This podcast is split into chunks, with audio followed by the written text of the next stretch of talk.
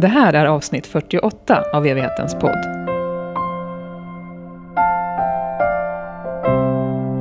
Dagens gäst är en av dem som firar ett jubileum i år, nämligen födelsen av Sveriges begravningsbyråers förbund. Hur mår denna hundraåring? Vad har hon? Vad behöver hon? Och hur ser framtiden ut för henne? Jag som heter Johanna Felenius har fått besök på vårt Uppsala-kontor där solen skiner in denna vårdag. Ulf Lerneus, välkommen till Evighetens podd. Tack för det. Du har varit här förut någon gång eller? Jag har varit här och hälsat på. Ja, Har varit. men det var länge sedan är kanske. det länge sedan. Mm. Är det. Du är förbundsdirektör för SBF sedan år 2006. Vad innebär detta, att vara förbundsdirektör? Förbundsdirektör eh, är en uppgift utefter att leda ett förbund. Det finns ju mängder av organisationer så att säga som är förbund som har medlemmar som sin yttersta arbetsuppgift. Och det är att framförallt att följa med i utvecklingen av branschen, att se över lagstiftningar, att hålla reda egentligen på överblicken och ha någon form av helikopterperspektiv och att utifrån det kunna hjälpa våra medlemmar. Det är liksom grunddelen. Sen har vi ju en väldigt stor del egentligen av vår tid också med privatpersoner som ringer som framförallt har just drabbats av dödsfall som ringer direkt till oss som inte ännu kanske har valt begravningsbyrå utan vill ha en mer bredare information. Vad är det som kommer att hända nu? Och vad kan ni säga då? Vi kan säga rätt så mycket. Jag brukar säga det för tio år sedan. Då var den vanligaste frågan på en konsumentrådgivningstelefon det var ska vi ha svart eller vit slips?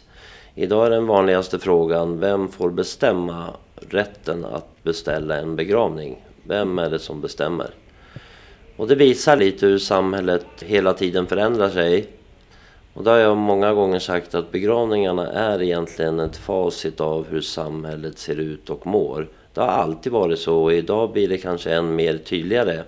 Därav så uppkommer de här frågorna om vem som har rätten att få bestämma och beställa en begravning. Det är inte alltid man är överens. Och vad kan du svara då?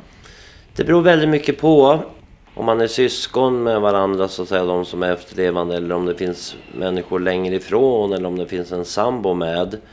Själva begravningsceremonin i Sverige, den är ju inte lagreglerad, utan den är helt frivillig. Så jag brukar säga det, kommer ni inte överens före dödsfallet och nu heller inte under begravningen och ni kommer inte att göra det efteråt heller så är det en sak ni måste vara överens om och det är just begravningsceremonin. Annars kommer vi inte att komma vidare. Men vad tänker du om att det har förändrats från att det har varit mest prat om klädsel och klädkoder och slipsar till vi- juridiska Ja, spörsmål? då visar det väldigt mycket på de familjekonstellationerna vi lever i. För 30 år sedan så hade varje, varje förälder hade 2,2 barn. Idag har varje barn 2,2 föräldrar. Så det har förändrat sig mycket när vi ser på familjebilden. Vi har ju hunnit gifta om oss några gånger. Det är ju en facit av hur samhället ser ut och mår när vi kommer till begravningen. Vem har egentligen rätten att bestämma mest eller bestämma överhuvudtaget? Vi kommer ju gå in på eh, din bakgrund och så. Men kan du säga någonting om hur det blev så att just du är förbundsdirektör? Hur går det till? Eh, Jag hade jobbat länge inom branschen. I, jag har jobbat i 40, drygt 40 år nu då i branschen. Ja, så en dag så fick jag en möjlighet och ett erbjudande att, att få den här tjänsten om jag ville. Så beslutet var inte helt enkelt. Jag visste ju en hel del om SPF så att säga. Att det, det är inte bara enkelt. Men när jag väl hade tagit beslutet så har jag aldrig ångrat det. Vad var det som kanske fick dig att tveka? Att jag hade en bra anställning innan.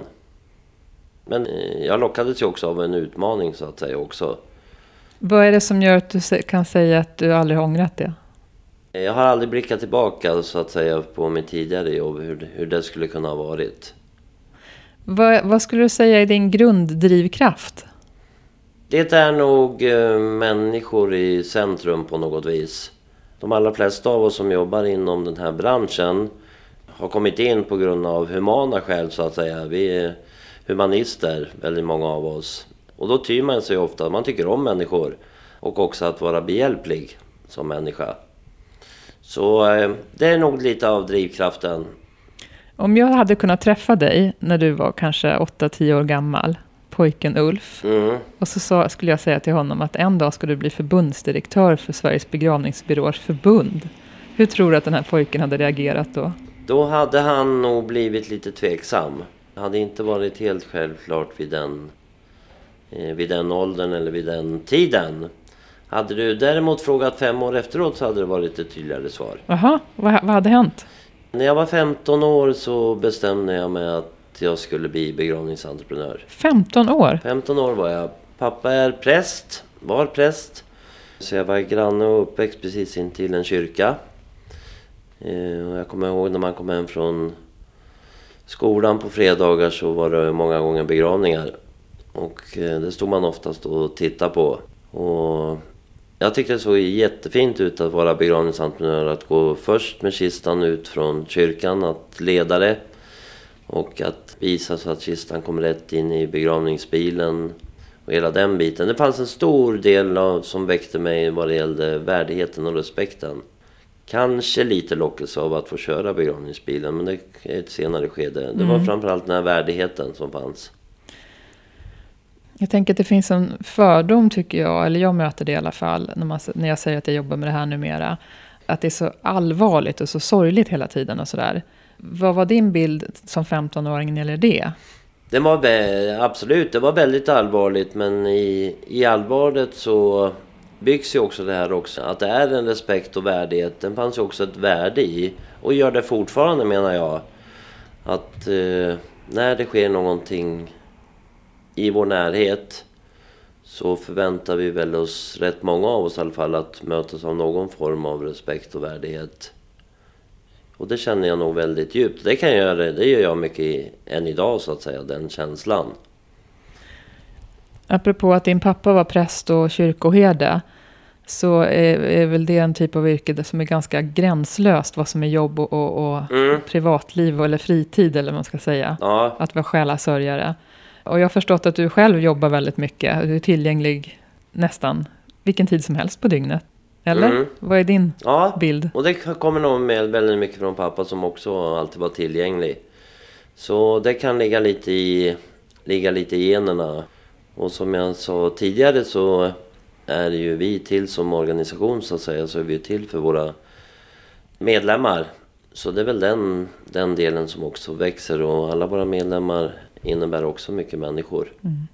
Men kan du få säga ifrån? Kan du få sätta gränser? Nej, men inte den här tiden. Eller hur, hur gör du med det? Jättesvårt att sätta gränser. Ja, överhuvudtaget sådär. För jag tänker många gånger så att säga när någon människa drabbas av ett dödsfall. Det är ingenting för mig att svara i telefon mot vad den människan står inför den, dennes situation. Så för mig drar jag ofta de likheterna liksom, vem har det värst? Varför Ja. skulle inte jag svara? För den drabbade så är det ju en unik situation. Helt, Mm. helt unik.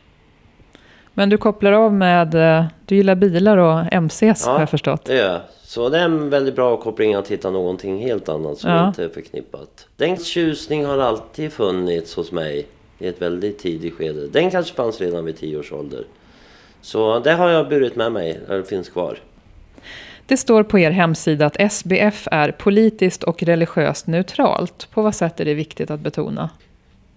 Jag tror det eh, var viktigare kanske än vad det kanske är nu. Idag uppfattar nog relativt många människor eh, att man utgår ifrån att man är det. Men det har också att göra med de eh, nya kulturer, nya trossamfund som kommer hela tiden i Sverige så att säga. Att just peka på det. Att det är inte bara en del som vi hjälper till med. Oavsett vilken kultur eller bakgrund man kommer ifrån så vet man att här kan man få hjälp. Vi tar inte ställning till den delen. Om man är nyfiken på det här med vad det innebär att en begravningsbyrå är, är auktoriserad så kan den som lyssnar nu lyssna på avsnittet med Charlotta Lindgren Östlund som är en kollega till dig, för Mm. det pratade vi en del om. Över 400 begravningsbyråer är anslutna till SBF och ni ska bland annat citat främja god begravningssed och yrkesetik. Vad innebär det? De sista 10 åren, eller 15 åren kan vi säga, så har ju det här med seder diskuterats väldigt mycket. Och eftersom jag sa tidigare att begravningen, själva begravningsceremonin är frivillig så är det oerhört viktigt för oss att människor som vill ha det på ett visst sätt ska också få det. Men någonstans hos oss vill jag ändå att det ska finnas en grund. Vad är god begravningssed? För mig kan det till exempel vara att, att vi har en, en begravningsbil att köra i. Inte vilket fordon som helst utan anpassad för ändamålet. Att det finns en sed i grunden, hur sen själva ceremonin eh, läggs upp så att säga vad det gäller musik och sång och blommor och färg på kistan och sånt. Det lägger inte vi någon tyngd på men det ska fortsatt finnas en stil och värdighet i seden. För det är bland de äldsta delarna vi har så att säga att vi följer, följer varandra vid samband med ett dödsfall. Och i den finns det en sed, men den seden förändrar sig hela tiden. Men oavsett hur seden förändrar sig så kan vi ändå värna om en god begravningssed. Annars kan jag vara lite fundersam på var egentligen det skulle ta vägen. Vi blir ibland anklagade på inom begravningsbyråbranschen så att säga för att vara traditionella. Och då tas det oftast negativt. Jag brukar vända på det och säga för mig är det också positivt. Som tur är så behöver inte människor gå på begravningar jätteofta. Och i begreppet tradition för mig så finns det också begreppet trygghet. Man vet ungefär i alla fall vad som kommer att hända. Det ska inte behöva vara några stora överraskningar. Så traditionen för mig är ingen nackdel så att säga att det ser ut som det gör. Absolut inte. Det finns något som heter Etiska rådet. Mm. Vad, vad, gör, vad gör Etiska rådet? Vi träffas minst en gång per år och då har vi en från sjukvården, oftast är det där dödsfallet börjar. Vi har från Svenska kyrkan, där i alla fall över 60% av våra begravningar förrättas. Och Svenska kyrkan är ju också den som har hand om våra kyrkogårdar, våra krematorier och de här delarna, så då är det en viktig del. Och vi har också en från Sveriges kyrkogårds och krematorieförbund som just har den övervägande delen när det gäller våra kyrkogårdar och krematorier. Så då har vi med, i vårt etiska råd har vi med från det att en människa avlider tills dess att den är gravsatt på en kyrkogård, begravningsplats eller på en annan plats. Och mellan det spannet så kan vi då väcka frågor. Vi får in frågor från privatpersoner som de vill vi ska ta upp. Vi kan väcka egna frågor som vi är tveksamma till. Nu har vårt etiska råd funnits i 25 år. Så om jag tar upp, det visar också hur kulturen också förändrar det etiska. Frågor till exempel som fanns eh, för 25 år sedan som det var ett absolut nej till. Om jag väcker den frågan idag så kommer jag förmodligen få ett ja. Och vad kan det handla om? Det senaste vi hade uppe det var detta med eh, kan en begravningsbyrå hjälpa till att sälja urna och kista till husdjur, till smådjur? Det har varit ett absolut nej. Nu ansåg Etiska rådet att det ska finnas en möjlighet, bara det är ett eget sortiment så att säga. Att man inte blandar det med människors sortiment utan det har ett eget sortiment. För det har vi märkt väldigt mycket bara under pandemin till exempel hur styrkan kring eh, eh, en, ett husdjur, hur värdefullt det faktiskt har varit. Mm.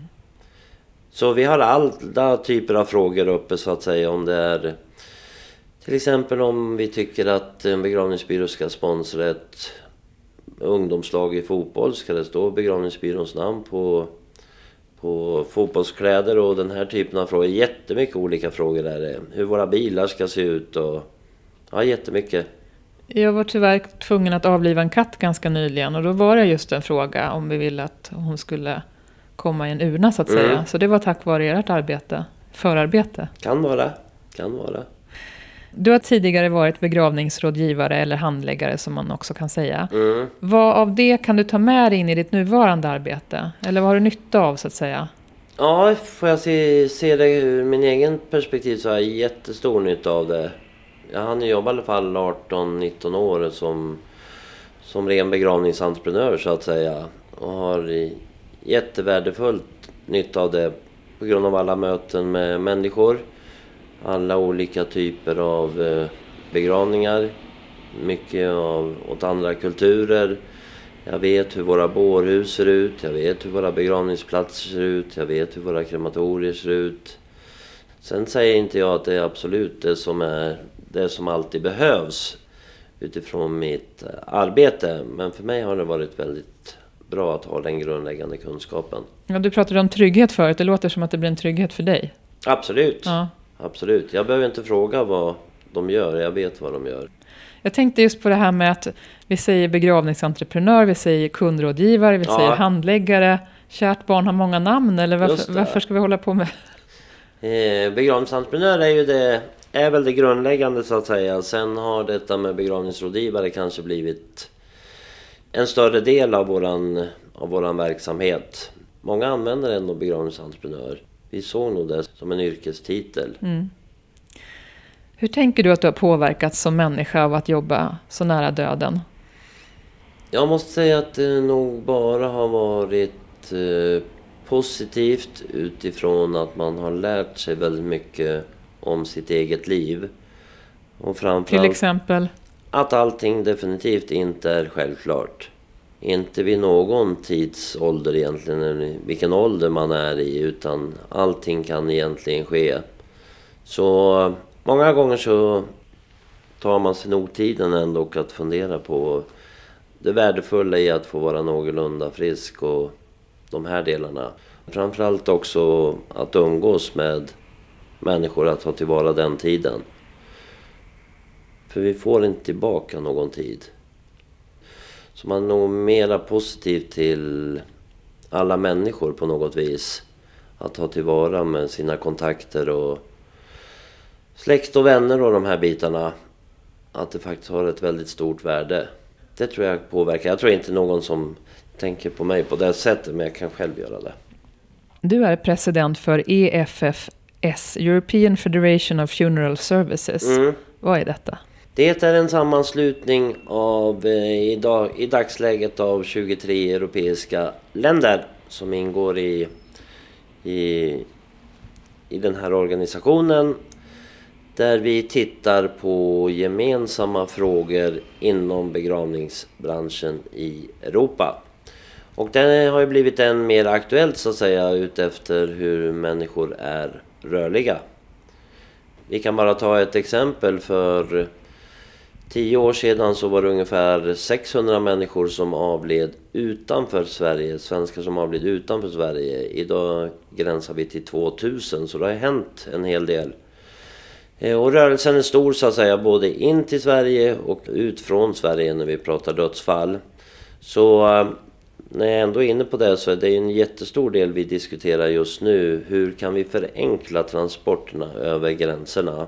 Idag är det en stor administrativ bit. Det är mycket enklare att resa som levande än som död. Och det håller vi på att titta på just nu. Vi tittar också på det här med hur ser våra utbildningar ut i europeiska länder? Vad är det vi kan dela med oss av? Det här med att transportera en död människa, vad, hur tänker du att det skulle kunna förenklas? Vi hoppas att kunna förenkla eh, framförallt administrativa, att vi ska inte behöva så mycket handlingar. Har vi fått fram ett vad vi kallar för ett dödsbevis, det är konstaterat att personen är avliden, så ska det inte till så mycket mer än, än kanske en, vad man kallar för en passerkedel som visar att det är den avlidne vi transporterar och har rätten att färdas över gränserna. Idag är det så mycket annat som vill till och det är egentligen bara administration. Det är ingenting som gör det bättre så att säga, någonting som förenklar den processen. Så det är någonting som vi kommer gå med till eh, EU i Bryssel nu då till hösten och lägga fram ett nytt förslag. Ukraina är med i, i EFFS. Ukraina är med. Hur ser det ut för dem? Idag är eh, begravningsbyråbranschen i Ukraina är väldigt, väldigt utslagen. Idag är det andra kan vi säga som sköter den här delen för det finns inte en bransch kvar så att säga utan man har fått tvungen, varit, tagit hjälp av militär och andra människor egentligen som hjälper till.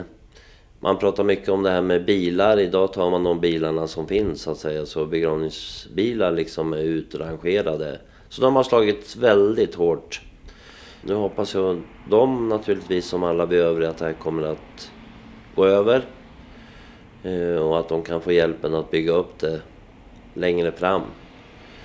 Och vi ska tänka på alla bårhus som finns i, runt om i Ukraina har inte alls den standarden som vi har i, i Sverige. Så man börjar liksom från ett lågt läge till att bli ännu sämre. Och det blir mycket, mycket mera dödsfall. Hur hanterar man det här? Det är ingen lätt situation bland allting annat.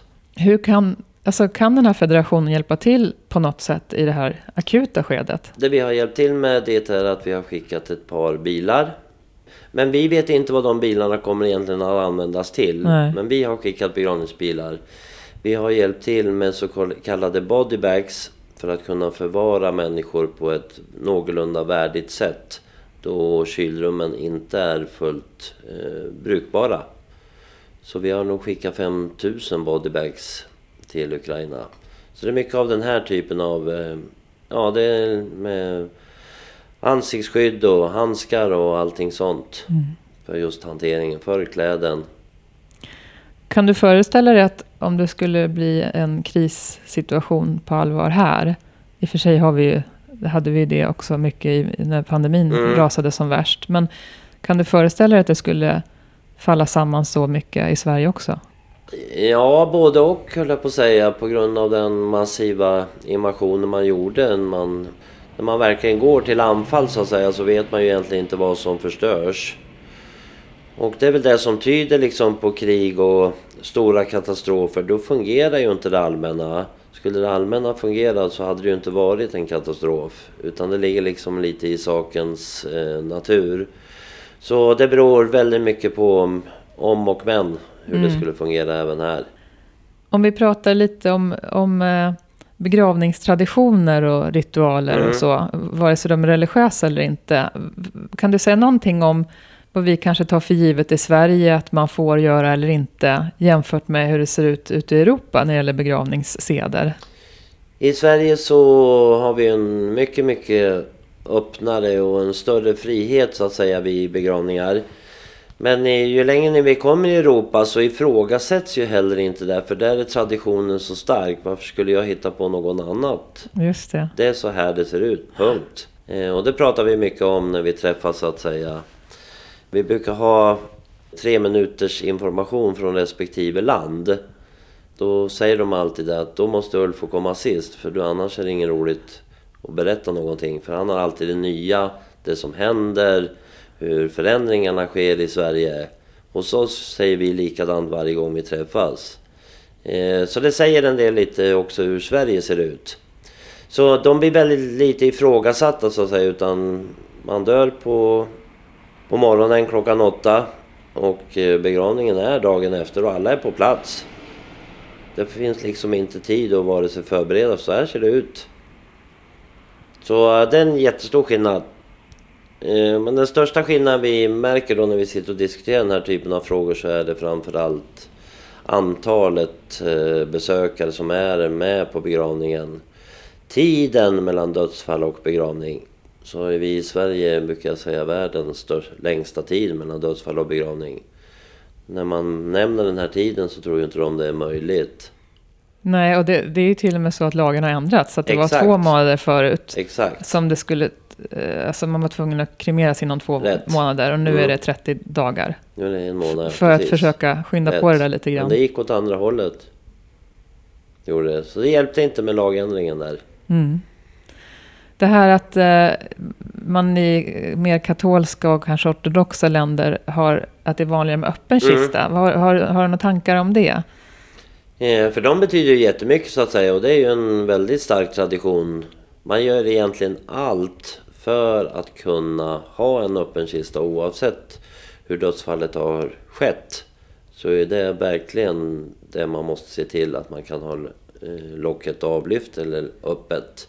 Kan du ge exempel på när du har hört eller varit med om någon sån här kulturkrock? När det antogs att det ska vara på det ena eller andra sättet? Ja, det är inte helt, eh, det är inte helt ovanligt. Det har ju också med familjekonstellationer så att säga. Det finns ju enormt mycket blandäktenskap idag som inte blir helt enkelt i samband med en begravning. Så där var det mycket det här som du är inne på med om locket skulle vara avtagbart eller inte. Det är nog det vanligaste egentligen och, fram, och inte minst också kremation och jordbegravning. Är det inte så att i Sverige var femte begravning idag borgerlig? En borgerlig akt? Eh, ja, nästan. Nästan, nästan ja.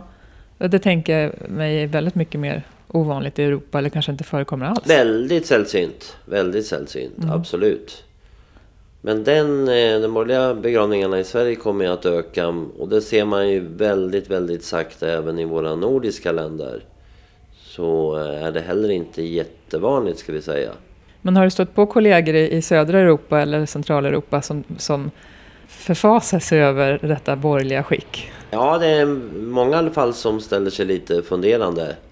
De kanske skulle behöva vara med på en borgerlig begravning så att de ja, ser definitivt. att, det absolut. kan vara väldigt andligt eller ja, ceremoniellt eller så beroende på vad de har önskat. Ja, ja. Det är nog 50 procent av våra borgerliga begravningar som har någon form av religiöst inslag. Mm. Så det behöver inte vara samma sak.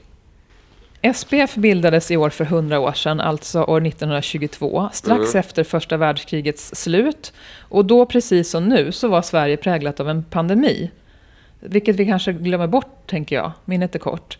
Men vad tänker du är största skillnaderna mellan vad SPF var då och användes till, eller behövdes till, jämfört med idag?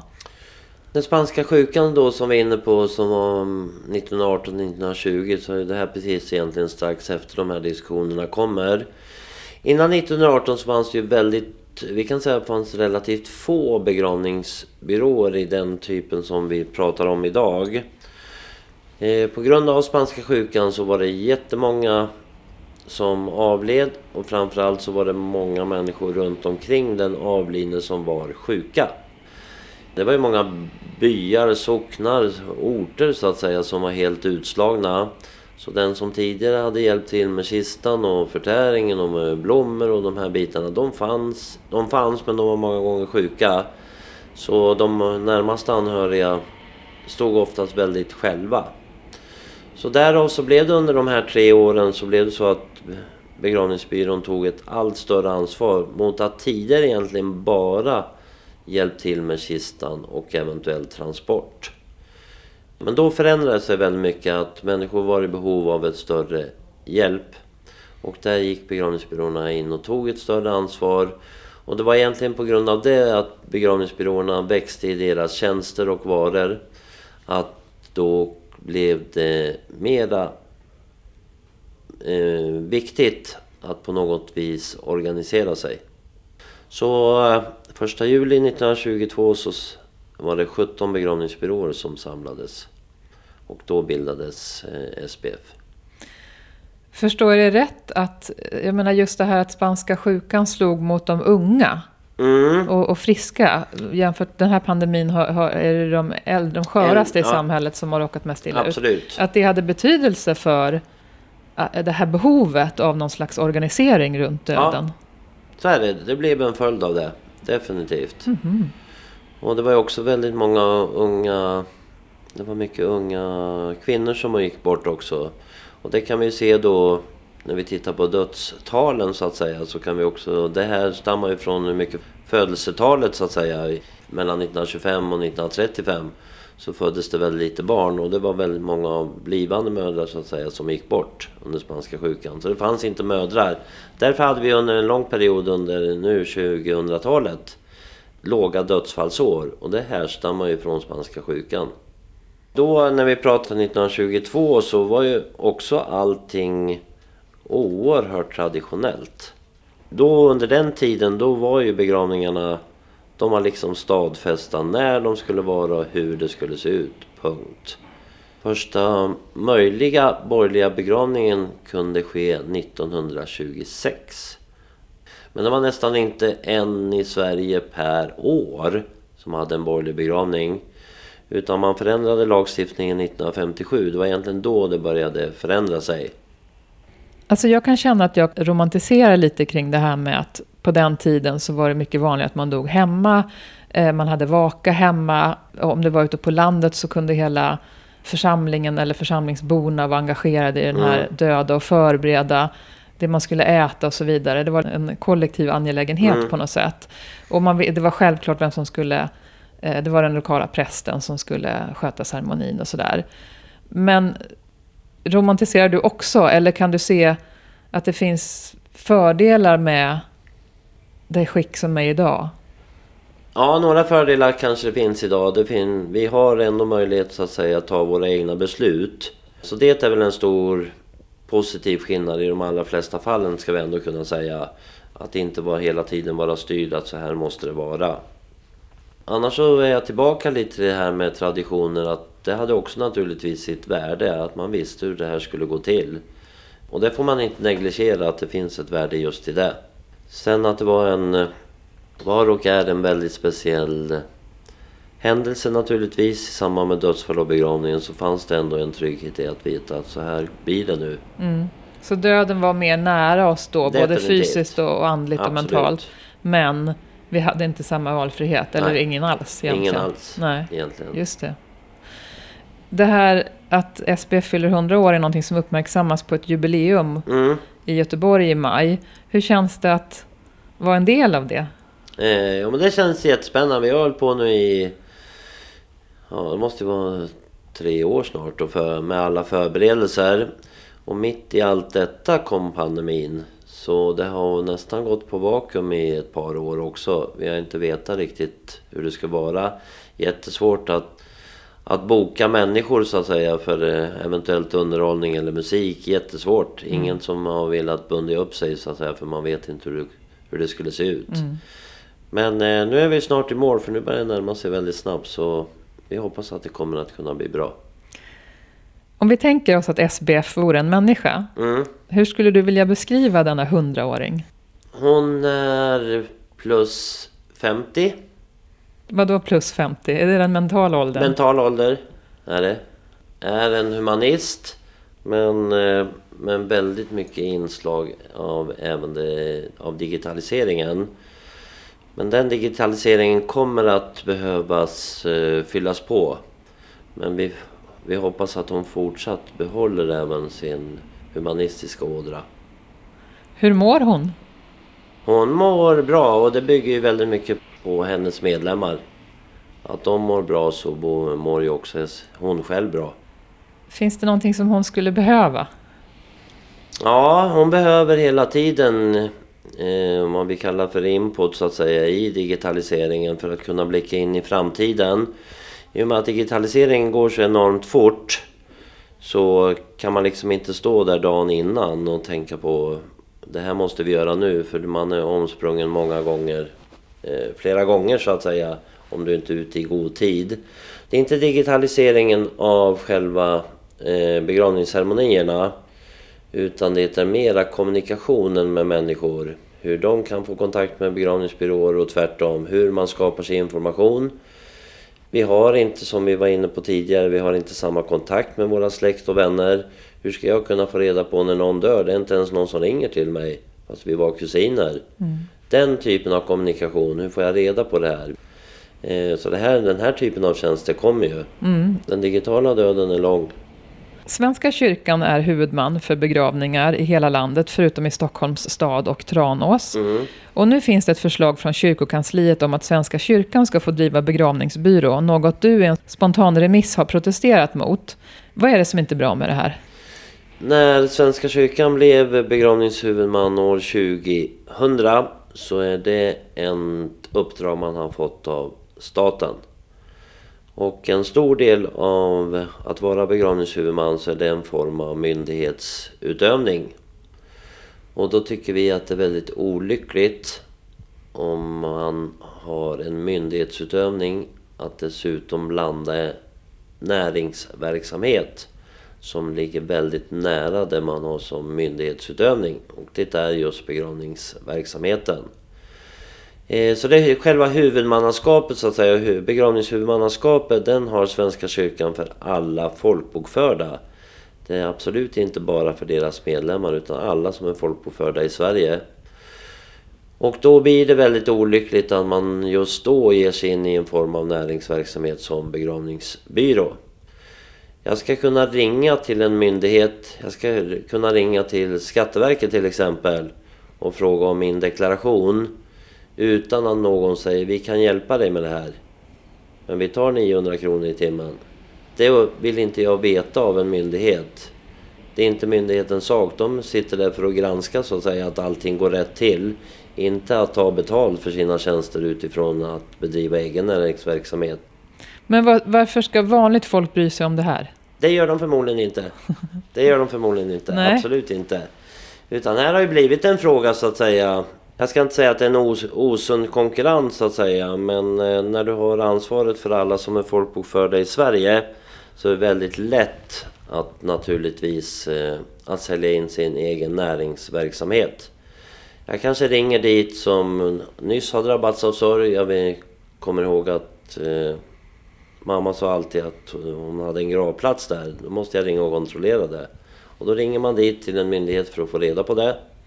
Och då kan ju de säga, du vet väl att vi hjälper till med allt här? Att du även kan få hjälp med begravningen. Medan vi då själva säger inom SPF när vi pratar etiken, det är att alltid är det familjen som bestämmer vilken begravningsbyrå man ska använda sig av. Apropå det här med valfrihet Rätt. som du har lyft fram. Rätt. Så du, tänker, du föreställer dig också att det blir en konflikt för personalen? Ja, gör det. Det gör det. Definitivt. Mm. Och det är en konflikt för många så att säga. Även eh, personalen som du nämner. Jag tänker på kyrkoherden själv som många gånger är VD även i kyrkans begravningsbyrå. Vad är det för uppdrag han hon åker ut på som själasörjare? Är det att vara själasörjare eller som VD för kyrkans begravningsbyrå? Den är helt omöjlig för gemene svensk så att säga att hålla isär. Mm. Så nu får vi se hur det blir med det här beslutet och nu har kyrkans begravningsbyrå funnits i 17 år blir det nu då. Eh, inte på så många ställen men eh, väl där de finns så att säga så är det här en viktig bit att ändå påvisa detta. Mm. Vi, som begravningsbyråbransch så är vi oerhört beroende också av Svenska kyrkan.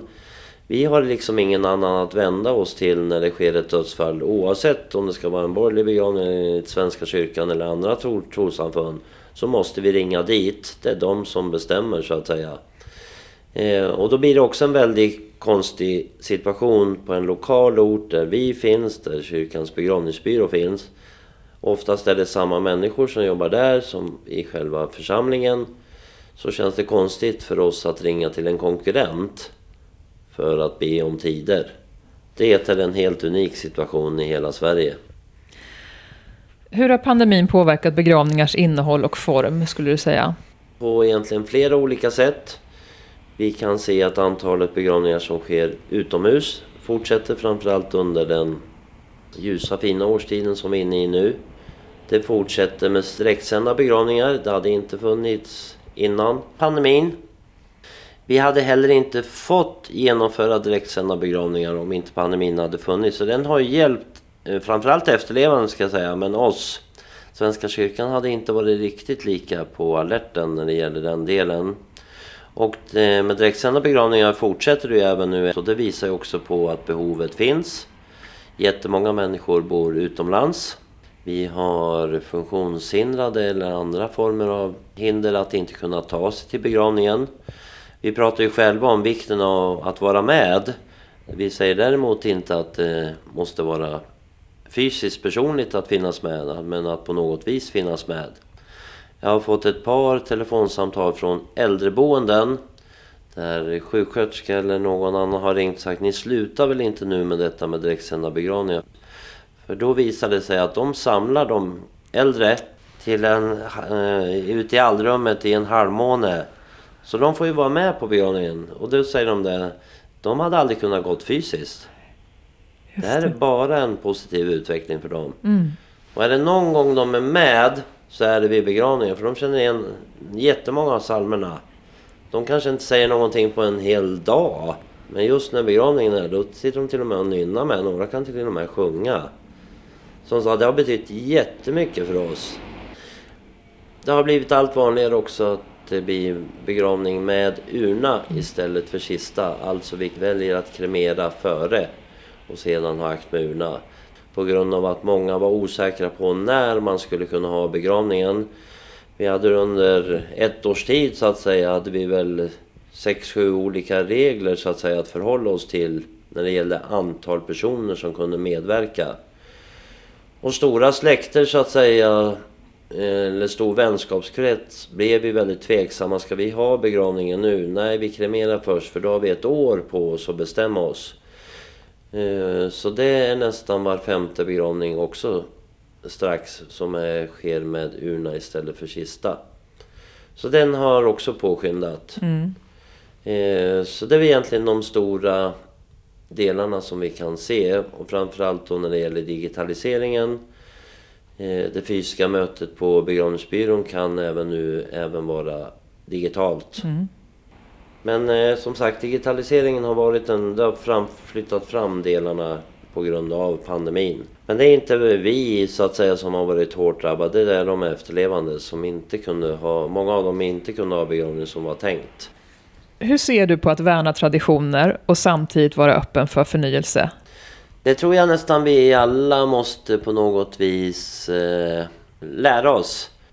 Och som jag sa tidigare så är begravningarna ett facit på hur samhället ser ut om år. Och då kommer också kulturer, traditioner, eh, seder att förändra sig. Men eh, efterlevande kommer alltid kunna bestämma. Vi har ju en lagstiftning också att följa. Inte mycket när det gäller själva ceremonierna men mycket runt om omkring. Men jag tror det blir svårt att förhålla oss till samhället om vi inte själva har en grundtanke på vad en god begravningssed är. Eh, det kanske inte är att eh, linda in eh, mamma i en matta och ha begravningen i utan vi ser att kistan eller annat i alla fall hölje eh, som den avlidne ska finnas i. Så det finns mycket av det här grundläggande som jag pratar om som jag tycker ändå vi ska värna om. För vem skulle annars värna om det så att säga? Idag när vi ser det går så lång tid mellan dödsfall och begravning så brukar jag alltid tänka för, ja, säg för 20 år sedan så var fokus när någon dog så var fokus just på den som hade dött. Det var just därför det var dödsfall, det var just därför vi hade begravningen. Idag är det väldigt mycket borta. Fokus är på de efterlevande. Vi har på något vis glömt en, att det är en död mitt i alltihopa. Det är inte den döde som inte har tid att ha begravningen utan det är vi som efterlevande som inte har det. Därav så blir det så viktigt för oss inom branschen att eh, vi ändå ska värna om omhändertagandet av den döde.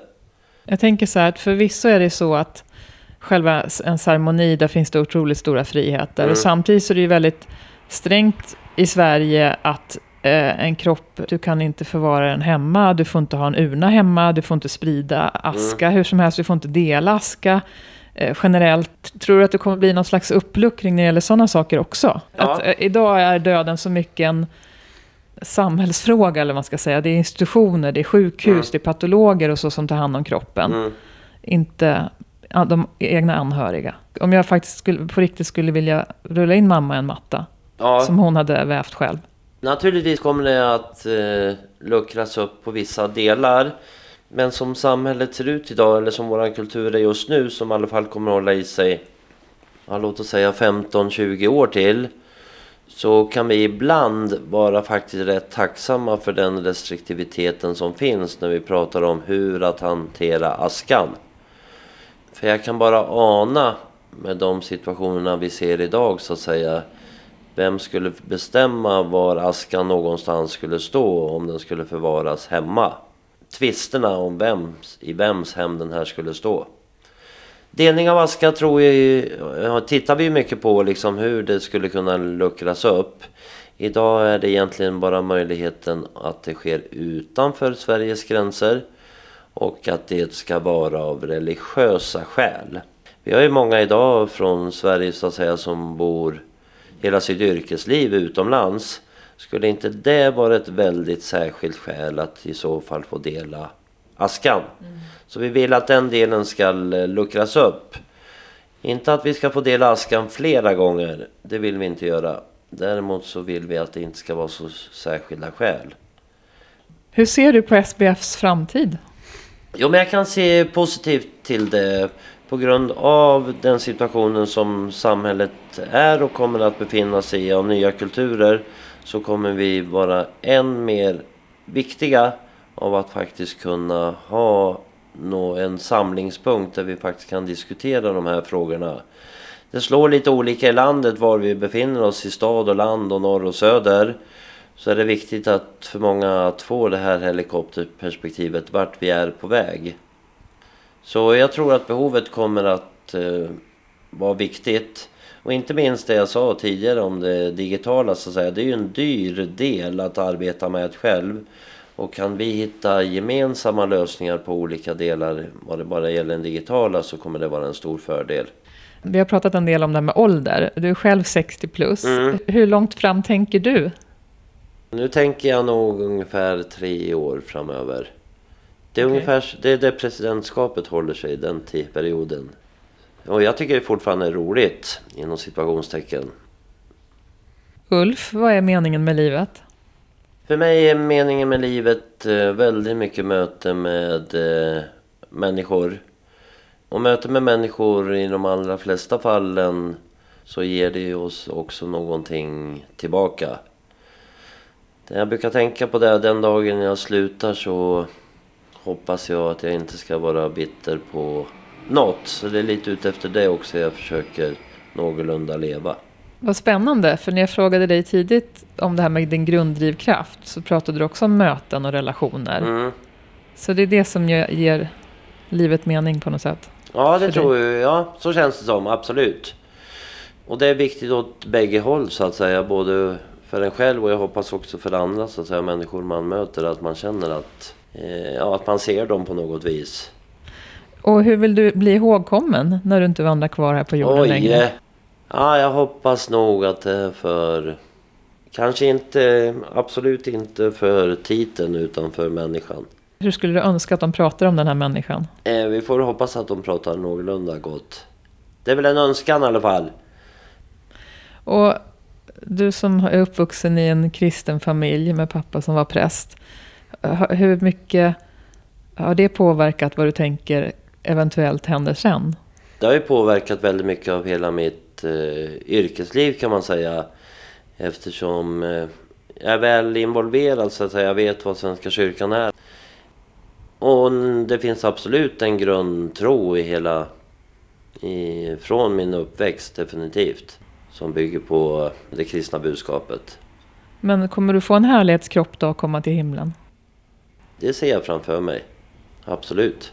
Jag tror att det fortsätter. Det är inte bara att det blir alldeles svart. Utan det kommer att fortsätta. Och jag tror jag kommer också att få uppleva flera möten. Nej, jag tror inte det är något farligt så att säga. När vi går över till andra sidan. Men du tänker att du ska få träffa dem som har gått före dig så att säga? Inte alla, men många.